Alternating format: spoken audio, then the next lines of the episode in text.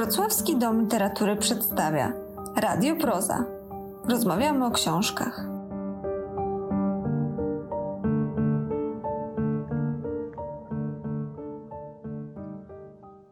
Dzień dobry, ja nazywam się Sylwia Hutnik y, i będę miała przyjemność prowadzić spotkanie autorskie z Dominiką Chorodecką, autorką debiutanckiej powieści Wdech i Wydech, y, które zostały opublikowane przez wydawnictwo Warstwy. Jak to zwykle ostatnio bywa, spotykamy się online, y, bo jeszcze chyba długo będziemy w ten sposób rozmawiać o literaturze. Y, ale to może i dobrze, bo dzięki temu poznajemy nie tylko y, treść książek, ale również na przykład co mamy w domach. Widzimy się również w mniej formalnych sytuacjach, więc zawsze to jest trochę takie, taki krok do przodu w stronę czytelników i czytelniczek. E, Dominiko, witam Cię serdecznie na spotkaniu. Dzień dobry, jest mi bardzo miło. E, cóż, e, jestem naprawdę zaszczycona. Spełniło się właściwie jakieś takie moje małe marzenie, bo ja jestem fanką barłogu literackiego i jak pisałam książkę, to tak gdzieś tam przebłysnęła taka myśl, a nuż kiedyś y, ja y, będę w Barłogu. Barłogu już chyba nie ma, prawda? Już y, zakończył swoją działalność, czy, czy jeszcze... Tak, Barłóg, Barłóg już nie istnieje, aczkolwiek teraz nagrywamy kilka dodatkowych odcinków dla Muzeum Historii Żydów Polskich Polin i rozmawiamy o literaturze żydowskiej, ale ja widzę, że za tobą jest łóżko, więc możemy trochę tak. udawać, że ja też tam mam obok trochę, że to jest jakby taka ciąg, taki ciąg dalszy barłogu, a na pewno jeżeli chodzi o satysfakcję. Bardzo. E, ale myślę, że e, barłogowe na pewno będzie jakby druga część, czyli literackość, e, bo wokół Twojej debiutanckiej książki dziś się spotykamy. Mm, przyznam się, że przy okazji pandemii, o której wspomniałam na samym początku, z racji kontekstu naszego spotkania online, tam pojawiło się, szczególnie na samym początku e, e, tego zamknięcia w domach, e, takie hasło o tym, żeby właśnie teraz zwrócić się ku sobie, wreszcie zająć ćwiczeniami, jogą, medytacją i oddechem. Kiedy zobaczyłam tytuł Twojej powieści, to przede wszystkim najpierw wzięłam wydech, a potem wdech, a potem wydech. Ciekawa jestem, czy tak każdy będzie robił, sięgając po tę książkę automatycznie. Natomiast e, przypomniałam sobie te wszystkie e, YouTube'owe poradniki, jak oddychać, jak się uspokajać. E, czytałam również o takiej metodzie oddechu holotropowego, czyli takiego, który, który ma za zadanie wprowadzić nas w stan podobny do tego, w jakim jesteśmy po różnego rodzaju środkach psychoaktywnych. Jednym sobie ma za, ma za zadanie wywołać jakieś wizje i to mi się jakoś też skojarzyło trochę z Twoją książką. E, powiedz mi, czy ten tytuł Wdech i Wydech właśnie przyszedł Ci do głowy na samym początku, czy raczej jakoś się robi taką klamrę, jeśli chodzi o zakończenie Twojej powieści? Nie, absolutnie nie. Mój tytuł brzmiał Dziewczynka z zakładu pogrzebowego. E, ten tytuł podsunął e, redaktor, mój redaktor. Mm, ja na początku podchodziłam do tego tytułu e, dosyć sceptycznie, mhm. ale dzisiaj uważam, że jest naprawdę super i bardzo oddaje klimat, klimat książki. Dlaczego? Dlatego, że Natalia ciągle gdzieś tam lawiruje pomiędzy tym symbolicznym, symboliczną psychiką i ciałem. A ten wdech i wydech to też na przykład z takiego medytacyjnego punktu widzenia to jest właśnie, e, to jest ta granica. I e, Natalia ciągle właśnie e, na tej granicy się znajduje, ponieważ e, to jest dziewczynka, której dorośli, dorośli wokół niej nie radzą sobie ze swoimi problemami, więc ona musi sobie radzić e, z tymi dorosłymi. I radzi sobie na swój sposób, ale też tak naprawdę nie radzi. I, mhm. I, w tych momentach, kiedy sobie nie radzi, musi sobie jakoś pomóc, więc ucieka też w ciało i na przykład zaciska pośladki, albo właśnie gdzieś tam podświadomie, nieświadomie robi te głębokie wdechy czy wydechy. Hmm. Bardzo się cieszę, że wspomniałaś o cielesności. Ją również chciałabym tu poeksplorować, jeśli chodzi o Twój tekst. E, zanim to jednak zrobię, jeszcze na tym e, oddechu bym się zatrzymała. Jesteś absolwentką Akademii Wychowania Fizycznego, biegasz e, i ta cielesność w tym kontekście jest tutaj szczególnie ważna. Niektóre osoby, na przykład Janna Bator, y, która też y, y, uwielbia biegać i pokonuje bardzo długie dystanse, znaczy bardzo długie dla mnie, bo ja dobiegam do tramwaju i uważam, że to już tyle, co mogę zrobić dla ludzkości. Janna Bator na przykład uważa, że to bieganie bardzo pomaga jej w twórczości, to znaczy z jednej strony właśnie ma tę, taką funkcję medytacyjną, uspokajającą, z drugiej zaś strony wprowadza w niej pewnego rodzaju rytm, który później wykorzystuje przy tworzeniu, na przykład nadając rytm zdaniem. Czy w Twoim przypadku też jest y, podobnie? Czy to bieganie jest po prostu czymś zupełnie inną, e, inną aktywnością niż tworzenie? Nie, absolutnie. Bieganie jest e, częścią mojego tworzenia.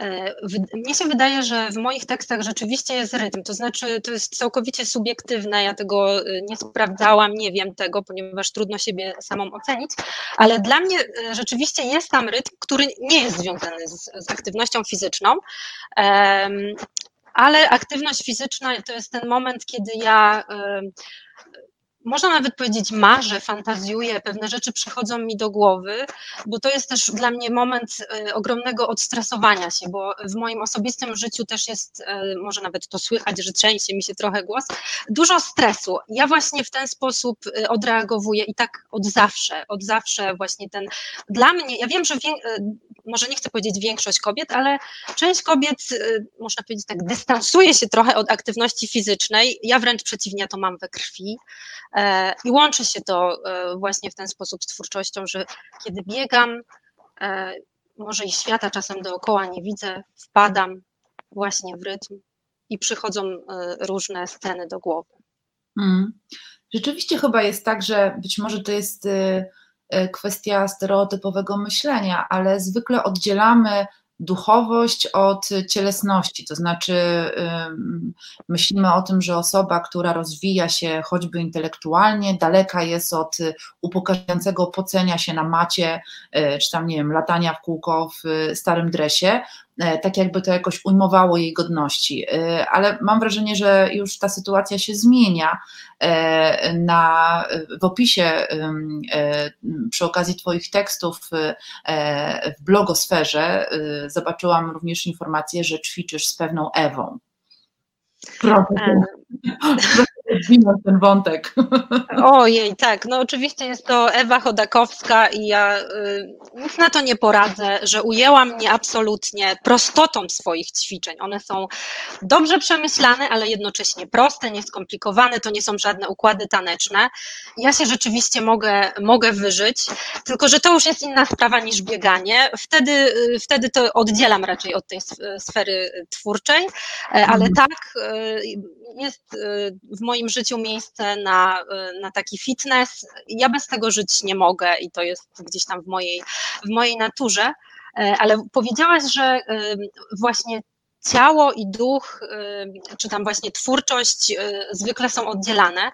Przypomniała mi się książka Edgara Toll, to jest książka, ogólnie bym powiedziała o medytacji, mhm. bardzo upraszczając, ale właśnie tam po raz pierwszy spotkałam się z takim mocnym stwierdzeniem, że jest dokładnie odwrotnie, czyli nasza duchowość poprzez nasze ciało. I ja jednak uważam, że właśnie to tak, tak jest, że nasze ciało jest kluczem do, do naszej duchowości. Po to dostaliśmy ten kubraczek tutaj na ziemi, żeby z niego korzystać i żeby właśnie dzięki niemu być może właśnie też mm, pewne psychiczne rzeczy też rozwiązywać. Także mm. Myślę tak y, i, i krążę wokół cielesności, ćwiczeń, y, pewnego rodzaju rytmu, ale też rygoru, który zwykle jest związany właśnie z taką aktywnością, która jest regularnie uprawiana. E, e, bo myślę o Twojej bohaterce, Natalii, o której już trochę nam powiedziałaś. E, ta cielesność jest tam bardzo mocno ujęta. E, ale w Twojej opowieści ta cielesność e, też jest związana z pewnego rodzaju tabu. Myślę tutaj o tych wszystkich abjektach, o których pisała Julia Kristewa, o sikaniu, o pierdzeniu, o jedzeniu kurzych bobków, o tej fazie fekalnej, o której mówimy zawsze mhm. w kontekście rozwoju dziecka. Tymczasem Natalia jest dzieckiem, ale już takim trochę dojrzewającym, znaczy no nie trochę, jest dojrzewająca.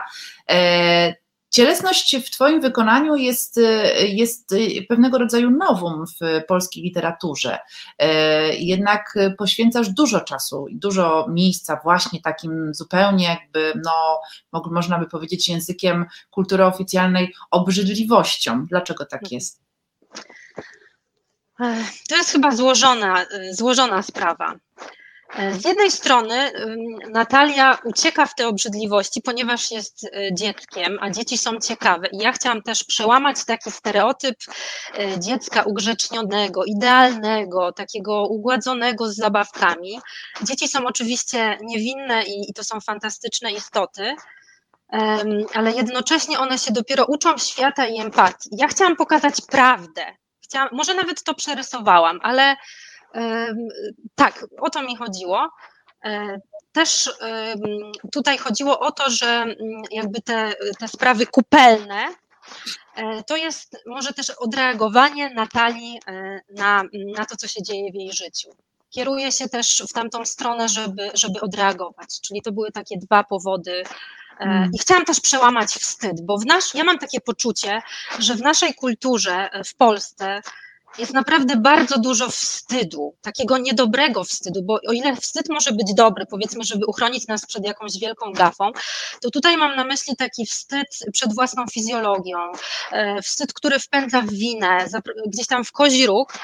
Jesteśmy, mam takie poczucie, szczególnie dziew, dziewczyny, e, małe dziewczyny już od, od maleńkości, wpędzane w ten, w ten wstyd. I ja chciałam to przełamać, to może taki, taki bunt wręcz we mnie troszeczkę. Mm tutaj. Bardzo mi to też rezonuje z e, takim nowym podejściem na przykład do ginekologii. Dzisiaj rano czytałam e, fragmenty książki Biblia Waginy, które właśnie wyszły e, i autorka ginekolożka jest też feministką, a przynajmniej tak mogłam to skonstatować po, po jej opisach. Bardzo szybko rozprawia się z pewnymi tabu i faktami, które można znaleźć w internecie, ale nie można znaleźć w nauce i rozprawia się z nimi jednym zdaniem. To jest patriarchat nie wiesz to. Nie, to jest, to jest patriarchalne.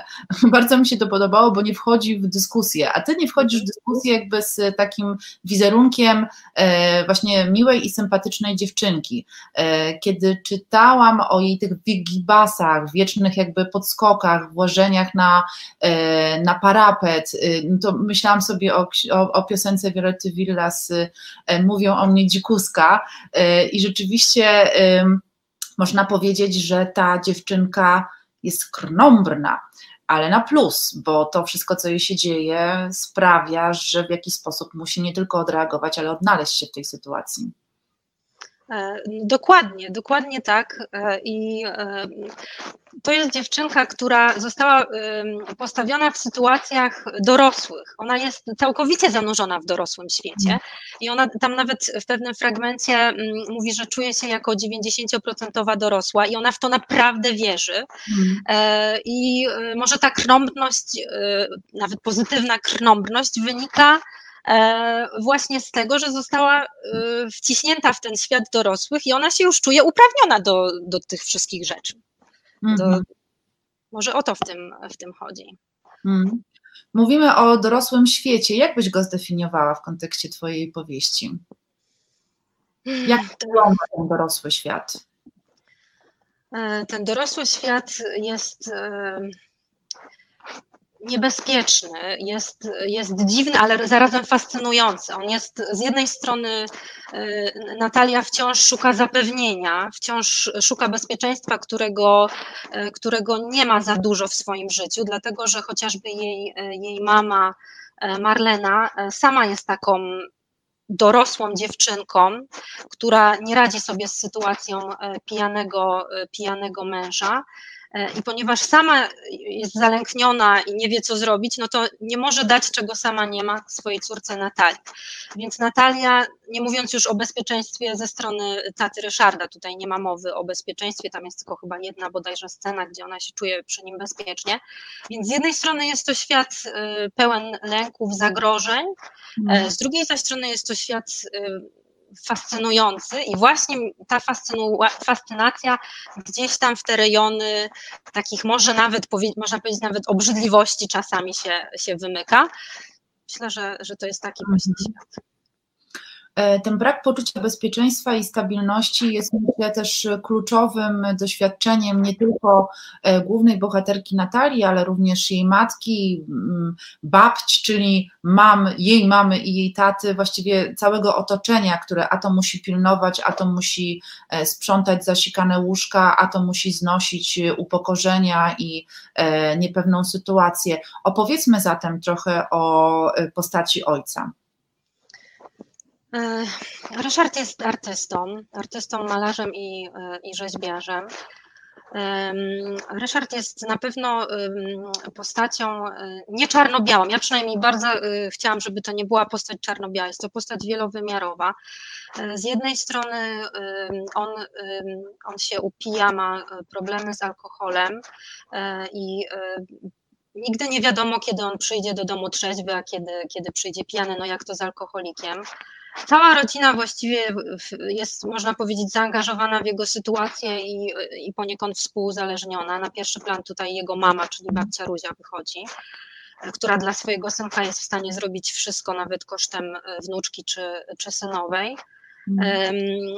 Jest to Ryszard e, pod wpływem alkoholu zachowuje się okropnie i zmienia się e, naprawdę w takiego upiornego ojca z lat przełomu 80-90. E, natomiast jednocześnie jest bardzo wrażliwą, wrażliwą osobą, która też sobie nie radzi. Ja takie mam poczucie ze swoim, ze swoim życiem. On sam miał trudne dzieciństwo i to się tak przenosi z pokolenia na pokolenie. Mhm.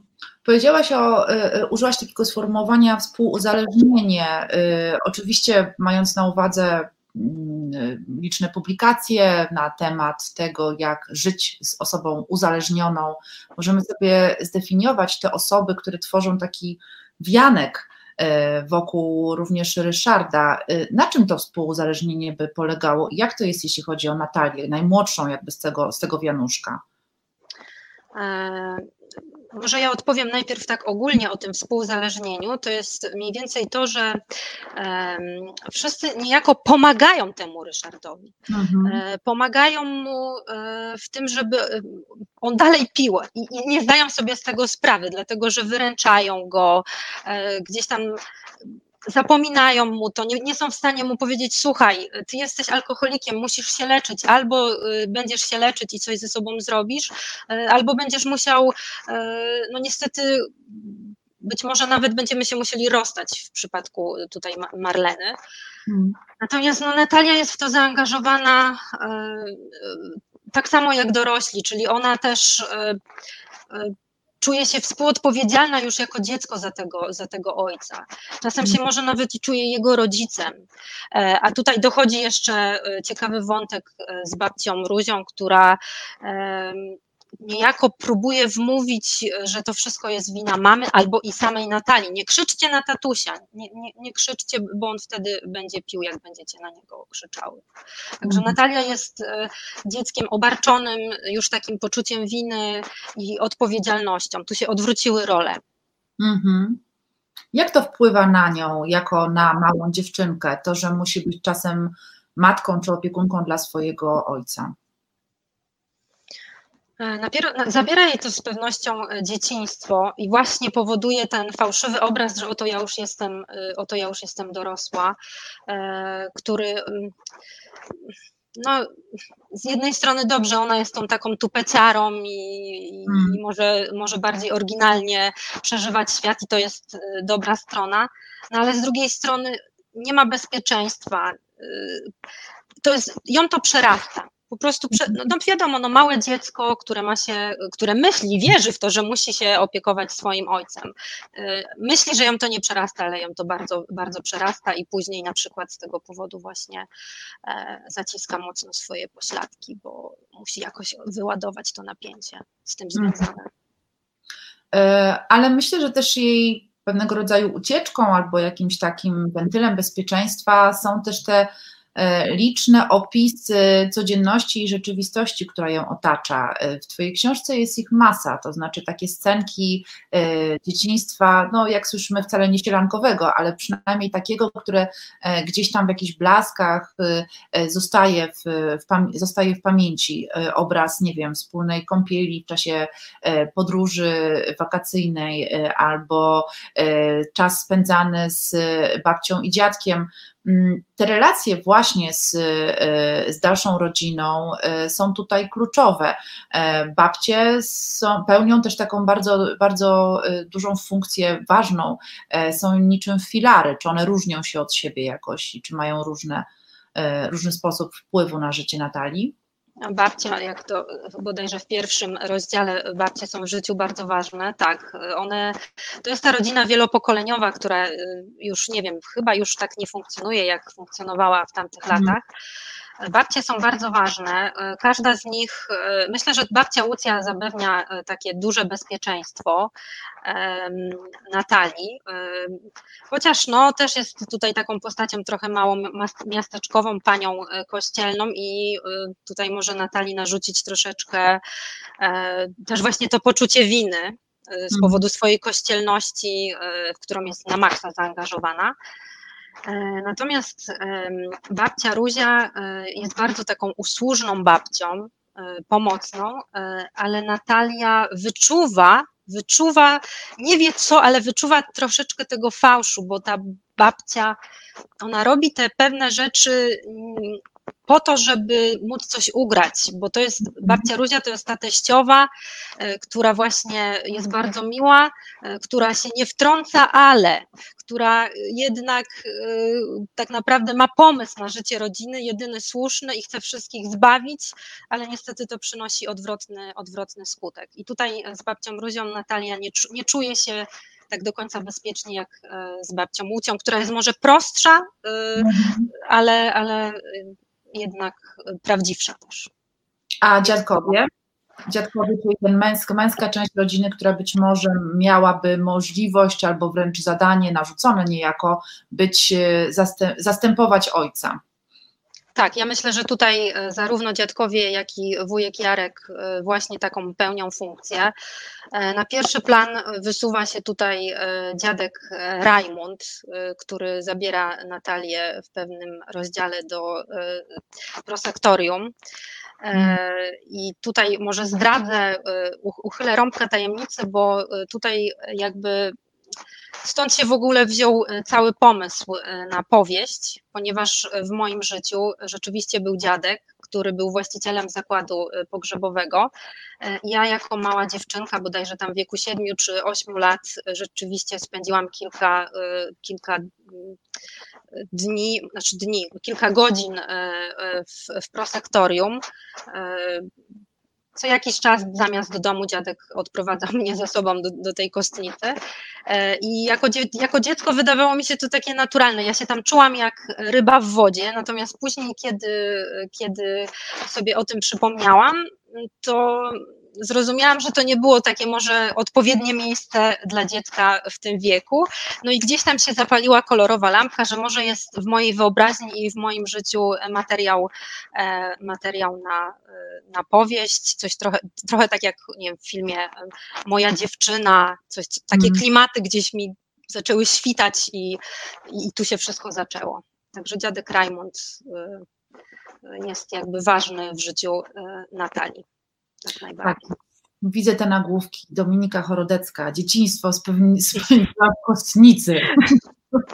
O matko. To jest bardzo ciekawy wątek, już pomijając oczywiście, że znowu nam to ciało gdzieś, gdzieś wychodzi e, i to takie ciało specyficzne. E, to jest też e, kolejny wątek i właściwie pytanie, które dla Ciebie przygotowałam, to znaczy jakby sposób na tworzenie z wykorzystywaniem własnych doświadczeń. Wiadomo, że to jakby nigdy nie jest jeden do jednego, po to mamy wyobraźnię jako pisarki, ale um, czy ta wspomnienia na przykład z Twojego dzieciństwa, czy Twoje doświadczenia bardziej przeszkadzały, czy stanowiły inspirację do pisania? E, stanowiły, stanowiły inspirację do tego, żeby zamieścić pewne emocje i nastroje ja, te, te pewne emocje i nastroje są tutaj, są tutaj prawdziwe mm. i zapożyczone z moich własnych, własnych doświadczeń.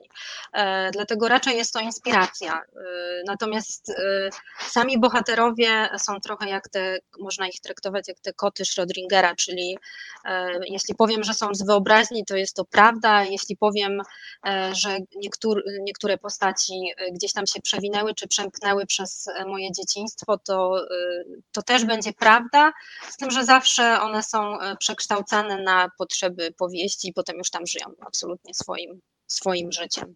Mhm. Tak, to, tak to wyglądało. Myślę, że w ogóle pytanie o fikcję i fakty w kontekście literatury pięknej nie ma większego sensu oprócz, nie wiem, właśnie sensacyjno-plotkarskiego. To znaczy, mhm. myślę sobie, że jesteśmy takim mikserem, w którym wkładamy różne rzeczy, które podpatrzyłyśmy, przeżyłyśmy, mieszamy to właśnie z naszą nie tylko wyobraźnią, ale też wrażliwością, dając tekst. A kto w takim razie z pisarzy czy pisarek jest dla Ciebie taką właśnie idealną maszyną do miksowania? Wiesz co, nie wiem, czy idealną e, maszyną do e, miksowania, e, ale mistrzynią nadmistrzyni to jest u mnie Alice Munro, która mm, wyciąga z takiej prozy życia smaczki psychologiczne i ona to robi w sposób mistrzowski. Ja jestem absolutnie zakochana we wszystkich opowiadaniach. E, I to jest e, chyba ta pisarka, która e, najbardziej tutaj zrobiła na mnie naj, największe, największe wrażenie. Muszę wspomnieć też panią Marię Czubaszek, nie wiem, czy by sobie życzyła, żebym powiedziała świętej czy nie świętej, w każdym razie fajnej pamięci dlatego że pani Maria Czubaszek, e, jeśli pisała, to pisała tak bez osłonek, bezpardonowo mm. i trochę jak e, dziecko, ale w bardzo pozytywnym znaczeniu tego słowa, tak inteligentnie, nie, obiwa, nie owijając bawełnę. Ja też bardzo chciałam, żeby to tak trochę było właśnie. Ten głos dorosłego dziecka, Natalii, dziecka, które myśli, że jest dorosłe, właśnie chciałam, żeby to tak wyszło. Nie mam pojęcia, czy tak wyszło, ale to, to była moja inspiracja. Myślę, że wyszło. Ja przynajmniej e, czytając Twoją książkę, miałam takie poczucie, że to jest e, e, dziecko sprzed socjalizacji, to znaczy takiego nakładania na nas pancerza nie, nie, tylko dobrego wychowania, ale pewnego rodzaju norm społecznych, które mają to do siebie, że my raczej ich nigdy nie wymyślamy, tylko musimy się do nich podporządkować, a jak się buntujemy, to ponosimy konsekwencje. Czy w Twoim życiu też było tak, że E, miałaś takie poczucie, albo teraz z perspektywy osoby dorosłej widzisz tą taką cezurę, kiedy przestałaś być e, dzikuską, jeśli byłaś w ogóle taką osobą, a zaczęłaś e, spełniać role narzucane z góry? Ja myślę, że y, ja nigdy nie spełniałam tak do końca ról narzuconych z góry i właśnie dlatego y, wszyscy dookoła, e, też w moim prywatnym życiu, nieraz sobie myśleli, że ja jestem dzikuską. Ja mam to w, y, po prostu. Ja tak już mam, że chcę żyć po swojemu.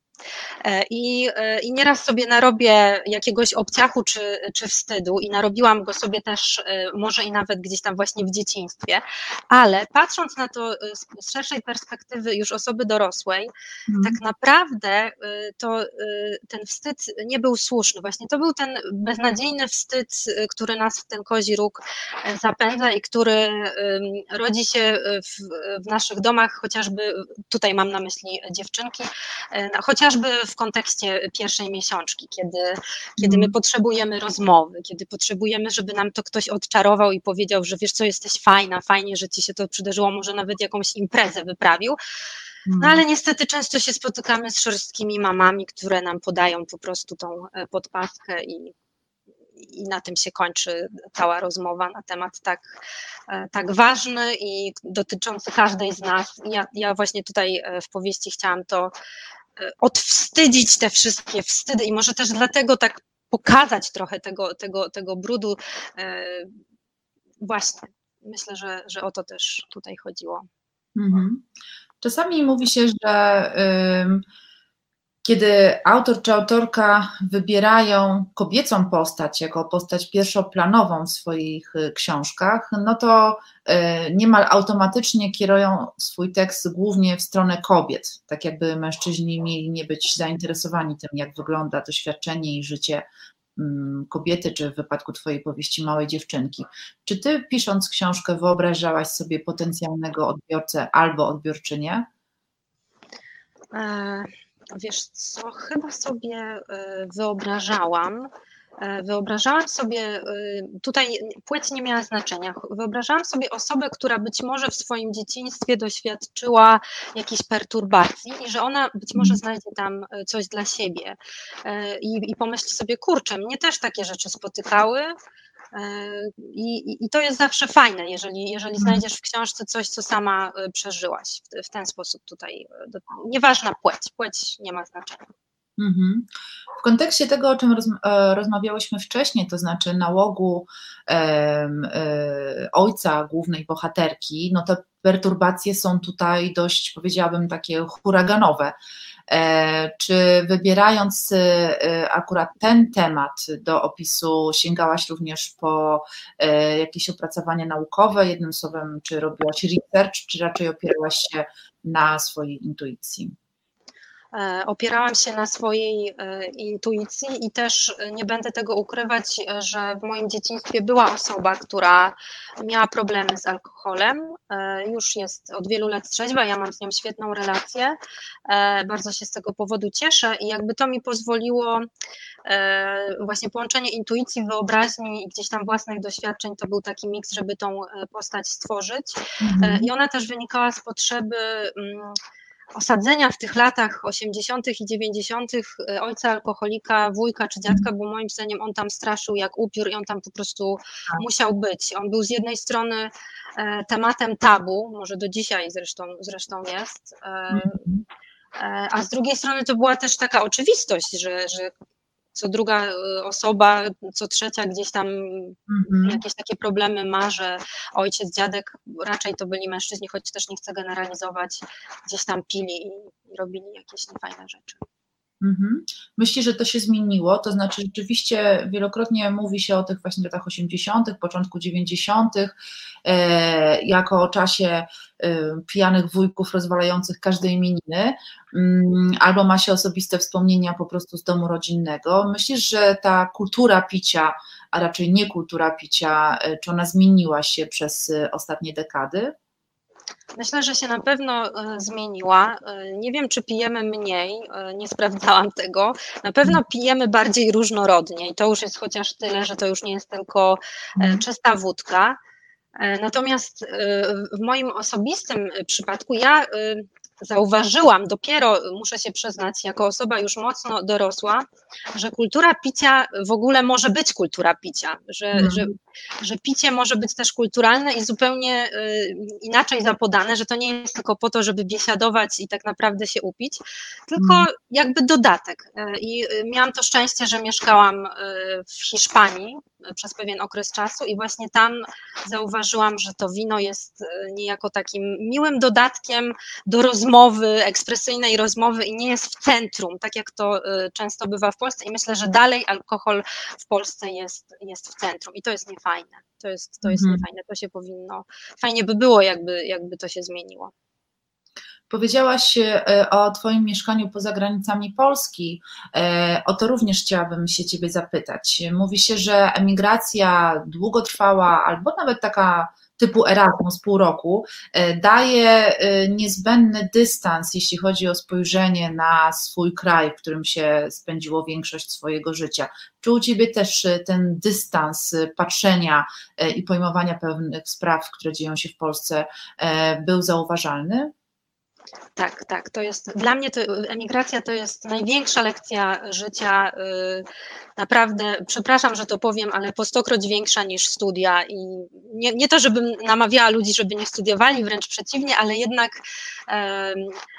niejako zostałam w tą emigrację siłą wciągnięta przez mojego wówczas narzeczonego, teraz męża. Ja byłam takim hobbybitem ale to było świetne. To mnie, ja nie twierdzę, że jestem osobą dojrzałą, ale na pewno w, wzniosło mnie to wyżej e, i mhm. pozwoliło właśnie zobaczyć pewne rzeczy, pewne rzeczy z dystansu. No na pierwszy rzut tutaj się wysuwa ta wielokulturowość, która jest piękna. Ja naprawdę to uwielbiam, że, że mogę porozmawiać, nie wiem, z kolegą z Maroka, który, który jest ateistą, bo to się tak kojarzy, może, może się kojarzyć, że jest wyznania jakiegoś takiego wyznania, czy nie takiego wyznania, nieważne. W każdym razie Pamiętam taką e, historię, kiedy opowiadał, że w dzieciństwie gdzieś tam śmiał się e, razem z kolegami z polskiej telewizji, że oto jest tylko jeden e, lektor, który mówi za kobiety, za mężczyzn i za dzieci. I to taka fajna anegdotka, którą, którą zapamiętałam. Generalnie Emigracja to jest, e, to są zdarzenia, to są fajne historie. To jest to, że ja mam sąsiadów, e, którzy, sąsiadów e, muzułmanów, ja ich nie znam, ale widzę, obserwuję ich z balkonu. To jest dziadek z wnuczkiem i, i sobie obserwuję, jak się bawią.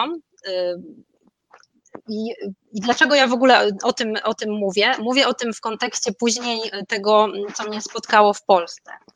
Mhm.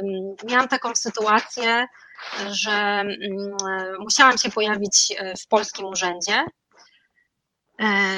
I już nie pamiętam z jakiego powodu. I tam pani urzędniczka spytała, gdzie ja, gdzie ja mieszkam. Kiedy, kiedy okazało się, że to jest na Lazurowym Wybrzeżu, ona mi tak bardzo miło pozazdrościła. Ale po chwili zastanowienia powiedziała tak: no a jak sobie pani radzi z tymi wszystkimi brudasami i murzynami? Ja to bym ich wszystkich wytępiła. E, I e, tutaj ręce opadają, człowiek nie wie, co ma powiedzieć. I, e, I właśnie to jest to zderzenie, że z jednej strony mam sąsiadów, których widzę, sympatycznych ludzi, a z drugiej strony jest pani urzędniczka, która, która wygaduje takie rzeczy, która ośmiela się takie rzeczy mówić, hmm. mówić na głos. I ja nie wiem, ja też nie chcę powiedzieć, że każdy każdy Polak by, by się tak zachował, że, ale istnieje coś, jest taka atmosfera ksenofobiczna w Polsce, która jest podsycana przez e, media, pewne media i, i taki mhm. klimacik. Aczkolwiek mhm. też jesteśmy różni, mamy spektrum w Polsce ludzi o różnych charakterach, także nie chcę tutaj generalizować, ale niestety klimat w Polsce mhm. jest taki, jaki jest. Mhm. Czy jeszcze jakieś inne doświadczenia, takie, które byłyby przydatne, ważne w kontekście Twojej twórczości? Coś, co dała Ci emigracja, co być może nie dałoby Ci zostanie w Polsce? E, może nie twórczości, ale e, mojego wyjścia z Kościoła katolickiego, e, o czym ja chcę mówić głośno, ponieważ jest to bardzo trudny temat, a uważam istotny, dlatego że dzięki emigracji ja zauważyłam, jak, bar, jak wielkie jest połączenie pomiędzy państwem a kościołem, pomiędzy instytucją kościoła w Polsce, e, mhm. a tym życiem świeckim. Jak bardzo kościół e, się miesza w to życie, zupełnie w sposób nieuprawniony. I e, mieszkając czy w Hiszpanii, czy we Francji, dotarło do mnie, że to nie jest, że tak nie musi być, że wszędzie tak, że tak nie jest wszędzie, że, że ten kościół może spełniać swoją rolę, powiedzmy, y, duchową, y, natomiast politycznie nie powinien mieć głosu. I, i, i hmm. w tym sensie to, to dużo, dużo mi dało i dało mi też taką odwagę, bo to było bardzo trudne, żeby z kościoła wyjść. To był wieloletni, wieloletni proces mm. w moim przypadku. -hmm. Czy on w jakiś sposób e, zaburzył bądź zmienił Twoje relacje z najbliższą rodziną, która została w Polsce? E, nie zaburzył, ale na pewno dla części osób jest to, jest to trudne. Jest to, jest to bardzo trudne, ale akceptują to, oswajają się z tym. Hmm. Natomiast wracając właśnie do, do mojej powieści, to ten, tam też nie przez przypadek pojawiają się E, niektóre sytuacje, na przykład na dzieciach Maryi. Ja nie chciałam e, też, żeby to było jakieś tendencyjne, nie chciałam tam mm, jakby mówić, czy to jest dobre, czy złe, ale miałam potrzebę opisania właśnie, e, jak to wszystko wygląda. Mhm. Tak, dlatego też nawiązałam i rozszerzyłam to moje pytanie bo w Twojej powieści ważne jest również to, w jaki sposób nakreślasz obraz czasów, które opisujesz, czyli tych lat 80., początku 90. Mówion, mówi się, że jest to czas przełomu, transformacji. Niedawno obchodziliśmy kolejną rocznicę wyborów 4 czerwca 89. Czy ty pamiętasz siebie z tamtych czasów albo z początku lat 90.? Pamiętasz w ogóle, czy coś się zmieniło dla ciebie, jako, jako wtedy pewnie kilkuletniej dziewczynki? Tak, ja bardzo pamiętam e, ten klimat, który, który wtedy panował. Pamiętam e, taki moment, że, że właśnie to jak przez mgłę, że, że, że, skończyła się komuna, że babcia i dziadek gdzieś tam e, cieszą się, ja jestem obok, obok nich. Mhm. I na mnie ten, tamten klimat tak silnie jakby na mnie, na mnie wpłynął, został ze mną, że ja wręcz y, przez różowe okulary niejako patrzę na tamten czas. Z takim mhm. wielkim sentymentem, choć ja wiem, że to był bardzo trudny czas przemian i, i zdaję sobie z tego sprawę, ale on ze mną został i według, wydaje mi się, że on mnie wzbogacił, że chociażby on. E, to już było w latach 90. Mogłam mieć 7-8 lat. Y, wyjechałyśmy z mamą do Włoch i i tam pani ekspedientka miała, e, nie dość, że były pełne półki kolorowych, cudownych rzeczy, to jeszcze pani ekspedientka miała prawdopodobnie zrobione paznokcie, jakieś tam tipsy, czy nie tipsy z perełkami. Dla, na nas to zrobiło ogromne, przeogromne wrażenie i cały tamten, e, tamten świat e, polski nam się wydawał szary. Ja dzięki temu mam takie odniesienie, że dzisiaj widzę te zmiany, że, że Polska też się fajnie zmienia, że my się zmieniamy i to jest właśnie tamta szarość jest takim mhm. fajnym odniesieniem do tego, żeby zauważać pewne rzeczy, których na przykład już może y, młodsi ode mnie y, tego już, już nie będą widzieć, bo od razu dostali jak na tacy te wyjazdy zagraniczne i, i taką fajniejszą, y, fajniejszą już, fajniejszą, no może złe słowo fajniejszą, ale y, wolną Polskę. Mm. Ja mam też y, podobne y, pewnie wspomnienia z tamtego czasu. W 89 miałam 10 lat i oczywiście, że pamiętam, że nagle zaczęły się pojawiać w papiernikach super ekstra y, kredki, piórniki i cała reszta, ale myślałam sobie o tym ostatnio, na ile te nasze doświadczenia, a raczej wspomnienia nakierowane są tylko na takie totalnie konsumpcyjne elementy, co też jest ok, szczególnie jak jest się dzieciakiem, i się patrzy na kolorowe rzeczy, no ale na ile z naszej już dorosłej perspektywy jesteśmy w stanie ocenić, czy zmieniło się coś w jakiejś w ogóle percepcji i świadomości e, Polski i Polaków, to znaczy e, na ile ta transformacja była też transformacją mentalną. Mówiłaś wcześniej o kwestiach rasizmu czy ksenofobii w Polsce, no wydawałoby się, że raczej tu się wiele nie zmieniło. Czy jestem pesymistką? Nie, niestety myślę, że ja, ja, ja się dziwię, że się nie zmieniło, bo ja w ogóle, ja, ja byłam przekonana, że to pójdzie już tylko w takim bardzo e, dobrym kierunku i właśnie staniemy się e, otwarci, e, tak jak powiedzmy Euro 2012, kiedy była taka wielka, mnie nie było wtedy w Polsce, ja byłam w Hiszpanii, ale widziałam to i na ekranach e, telewizora, czy, czy, czy z opowieści, mm. gdzie tam wszyscy sobie padali w ramiona, niezależnie od koloru skóry i, e, i dało się czuć tą atmosferę, natomiast mm. i byłam przekonana właśnie, że tak będzie, no ale nagle coś się stało, zmienił się rząd, zmienił się całkowicie klimat, wyszły upiory i demony, które gdzieś tam w nas siedziały.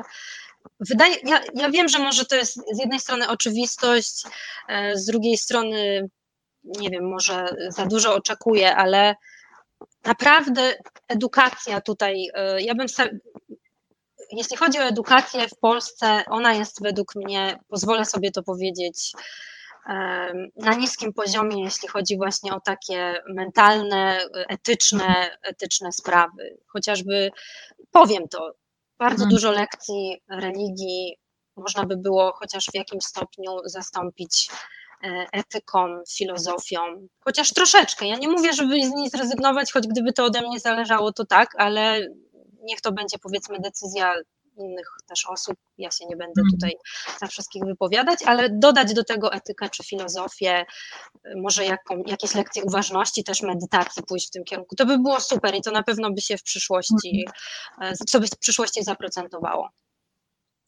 Moje pytanie wynikało też e, z takiego trochę wróżkowania i gdybania, to znaczy próby zastanowienia się, co wyrosło z Natalii, Natalki właściwie, mhm.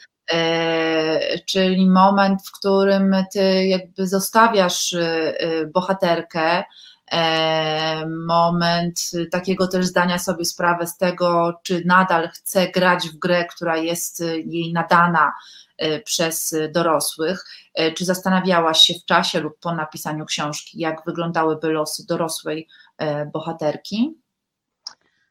Tak, ja nawet napisałam drugą część, która jeszcze nie jest gotowa do tego, żeby, żeby się urodzić i wyjść na światło dzienne. Nie wiem, czy będzie gotowa, ale tak jest to, jest kontynuacja i te losy są no to są dalsze perturbacje i to nie jest łatwe dorastanie, y, no bo mhm. Nie dos- Natalia nie dostała w dzieciństwie odpowiedniej ilości bezpieczeństwa i takiego poczucia mhm. własnej wartości i będzie się musiała z tym mierzyć e, być może przez całe życie. Na mhm. pewno nie będzie to e, takie. Wyrastając z takiego domu, e, człowiek z jednej strony jest bogaty, być może troszeczkę bardziej otwarty na pewne, na pewne rzeczy, z drugiej strony ma w sobie poczucie, duże poczucie lęku i, i niepewności i z tym się będzie na pewno Natalia e, mierzyć. Hmm. E, w naszej kulturze, która jest mocno pop-psychologiczna, tak bym ją określiła, e, dość często mówi się o tym, no właśnie, co wynoś, wynieśliśmy, wyniosłyśmy z domu, jako małe istoty, które były przygotowywane do życia często przez osoby, no mówiąc delikatnie, nieodpowiedzialne. Ale istnieje również e, taki, taki sposób, e, no, według mnie jednak e, wytłumaczenia swoich dorosłych problemów tym, że mama i tata byli źli. Myślę sobie o, o tej sytuacji w kontekście właśnie czasów, które opisujesz i tego, że wtedy e, nie było możliwości też e, takich narzędzi łatwych do na przykład własnego, własnej refleksji nad, nad kwestią wychowywania dzieci. No, teraz w każdym piśmie właściwie jest dział psychologii, nawet jeżeli są to takie dość proste rady i porady, no to każda osoba jest w stanie po nie sięgnąć, pewnie skorzystać, jeśli by tylko chciała. E, czy myślisz, że to nasze pokolenie dorastające jeszcze w latach 80., y, to poniekąd trochę pokolenie, y, nie chcę powiedzieć stracone, ale rodziców, którzy no, nie mieli po prostu dostępu do pewnych informacji? Myślisz, że teraz to wygląda inaczej? E, tak, myślę, że to wygląda inaczej, chociaż e, ja dopiero wchodzę w ten, w ten świat e, rodzica, bo moja córka ma dopiero 7 miesięcy, ale obserwując chociażby swoje przyjaciółki, koleżanki, widzę, że to wygląda inaczej, z dużo większą świadomością. Czasami nawet może z za dużą świadomością, za dużo to wahadło na drugą stronę się przechyliło i no ja sobie nie wyobrażam dzieciństwa bez, bez podwórka, bez koleżanek, a dzisiaj to jest już egzotyka, więc tak, tak. jakby no dużo się zmieniło. Na pewno jest też y, jeszcze ta praca związana chociażby z alkoholem, bo ja, ja jestem przekonana, że gdzieś tam ten upiór y, ojca alkoholika czy kogoś pijącego, y, on dalej grasuje. Może już nie tak, nie tak często, ale pojawia się. Hmm. Natomiast powiedziałaś, że rodzice, że, że źli rodzice później y, właśnie wpływają y, na całe życie dziecka. Ja nie chciałabym, żeby y, Marlena i Ryszard byli postrzegani jako właśnie tacy źli, czarno-biali rodzice. To są bardzo wielowymiarowe, właśnie ja nie wiem, czy to mi się udało, ale chciałam żeby pokazać, że to są ludzie którzy mają e, jakby różne nawet wersje siebie i, i, różne problemy, i to nie jest takie zero-jedynkowe, źli, dobrzy, tylko właśnie chciałam pokazać, jakie to jest nieraz e, skomplikowane. Mama Marlena nie może dać bezpieczeństwa w, w takim stopniu Natalii, w jakim, e, w jakim ona by tego potrzebowała, bo sama tego bezpieczeństwa nie ma. Mhm. Ryszard z kolei jest artystą, który sam w dzieciństwie nie został dobrze, powiedzmy, pokierowany też przez swoich rodziców, mhm. E, ale też patrząc już tak bardzo szeroko i może nawet, nie wiem, ośmielę się powiedzieć słowa, może tak duchowo, metafizycznie, mhm. no to osoby, które nieraz przychodzą e, do naszego życia, żeby namieszać i to mocno namieszać, to są też nasi najlepsi nauczyciele. Także w ten sposób ja też do tego podchodzę. Mhm, mhm. No i oczywiście jakby spojrzenie na to może zmienić się w momencie, kiedy same i sami mamy doświadczenie rodzicielstwa i nagle widzimy, że to nie jest takie proste, jak się wydawało. Oj. E, tak, ja już po pierwszym miesiącu z Alicją, którą e, uwielbiamy z moim mężem Mateuszem, e, do, dotarło do mnie, Boże, jak dużo zrobili dla mnie moi rodzice, moja mama, moi dziadkowie. Dotarło do, to do mnie tak naprawdę. Oświeciło mnie. Tak, no zdecydowanie. Tak, ja jako matka siedemnastolatka wielokrotnie e, przez czas swojego macierzyństwa mówiłam ze łzami e, w stronę mojej mamy, Boże, przepraszam Cię. Dokładnie, dokładnie tak, dokładnie tak. Ta perspektywa się zmienia, a jak zmieniła się Twoja perspektywa po debiucie, czy teraz czytając książki e, inaczej patrzysz na tekst literacki, mając już doświadczenie napisania urodzenia własnego tekstu? Zacznę może od tego, że ostatnimi czasy niestety nie czytam książek, tylko poluję na, kably, na kable z Alicją, bo jej zabawki się bardzo szybko nudzą, więc właściwie tylko w przelocie gdzieś tam zasnęła, biegnę po książkę, trzy zdania i o, już się obudziła i, i koniec. Natomiast ja myślę, że się nie zmieniło, natomiast książki są bardzo ważnym elementem e, mojego pisania. E, dla mnie czytanie jest częścią pisania, jakkolwiek dziwacznie to brzmi, dlatego że chociaż czytam na zupełnie inny temat, kompletnie coś innego, to mhm. jednak nie wiem, jak to się dzieje, ale to otwiera mi umysł, żebym mogła napisać e, swój, swój tekst. Także mhm. dla mnie bez książek ja bym nie, nie, nie była w stanie pisać. Mam nawet taką metodę 40 czy 50 minut pisania, 10 czy 20 minut czytania i tak jeżeli, e, jeżeli miałam taką możliwość jeszcze przed narodzinami Alicji, to tak powiedzmy pół dnia tak to u mnie wyglądało. No, bardzo ciekawe, rzeczywiście to jest ta metoda. A czy pisząc y, też sobie tak odmierzałaś? Są takie sposoby na to, że nie wiem, właśnie 20 minut dziennie, 10 tysięcy znaków, wymierzanie sobie tego natchnienia? Nie, nie, jedynie właśnie, jedynie tak, że e, właśnie w tych odstępach czasu 40 minut, 10 minut, 40 minut, e, bo jeżeli bym tego nie zaplanowała w ten sposób, no to się pojawia Facebook, przyjaciółka, coś bardzo ciekawego, e, no do mnie pisze, o jakaś właśnie tutaj książka jest z boku, tylko że no właśnie, książka mi z jednej strony pomagała, ale mogłabym się zaczytać i to by nie było 10 minut, tylko to by była godzina albo dwie i nic bym sama nie napisała. Także musiałam sobie taką dyscyplinę wprowadzić. Mhm. To bardzo ważne, myślę, co mówisz, bo czasami y, istnieje wiele stereotypów dotyczących samego procesu twórczego, że jest to właśnie jakaś bliżej niesprecyzowana chmurka natchnienia, która przychodzi na nas, a my wtedy w szale, rzucając wszystko, piszemy do piątej nad ranem i padamy. Y, czasem być może tak jest, ale gdybyś tak czekało wciąż i wciąż na te chmurki natchnienia, to myślę, że trzy czwarte książek by nie powstała. Powstała natomiast Twoja. Bardzo się cieszę również, że powiedziałaś o tym, że e, pracujesz e, nad drugą częścią e, i tym ciągiem dalszym życia Natalii. Czekam z niecierpliwością. Bardzo dziękuję za spotkanie. Dziękuję również Państwu. Dominika Chorodecka, jej debiutancka powieść Wdech i Wydech. Wdech i wydech. Ja również bardzo dziękuję. E, myślę, że ten wdech i wydech uspokajający przyda się, szczególnie w niektórych fragmentach e, powieści e, Dominiki. Bardzo dziękujemy za rozmowę i oczywiście cóż, chyba od nas dwóch możemy powiedzieć, że żeby sięgać po książki, bo inaczej się przecież nie da. Oczywiście. Dokładnie tak. Zapraszam do wdechu i wydechu do tej historii, w której się dużo dzieje.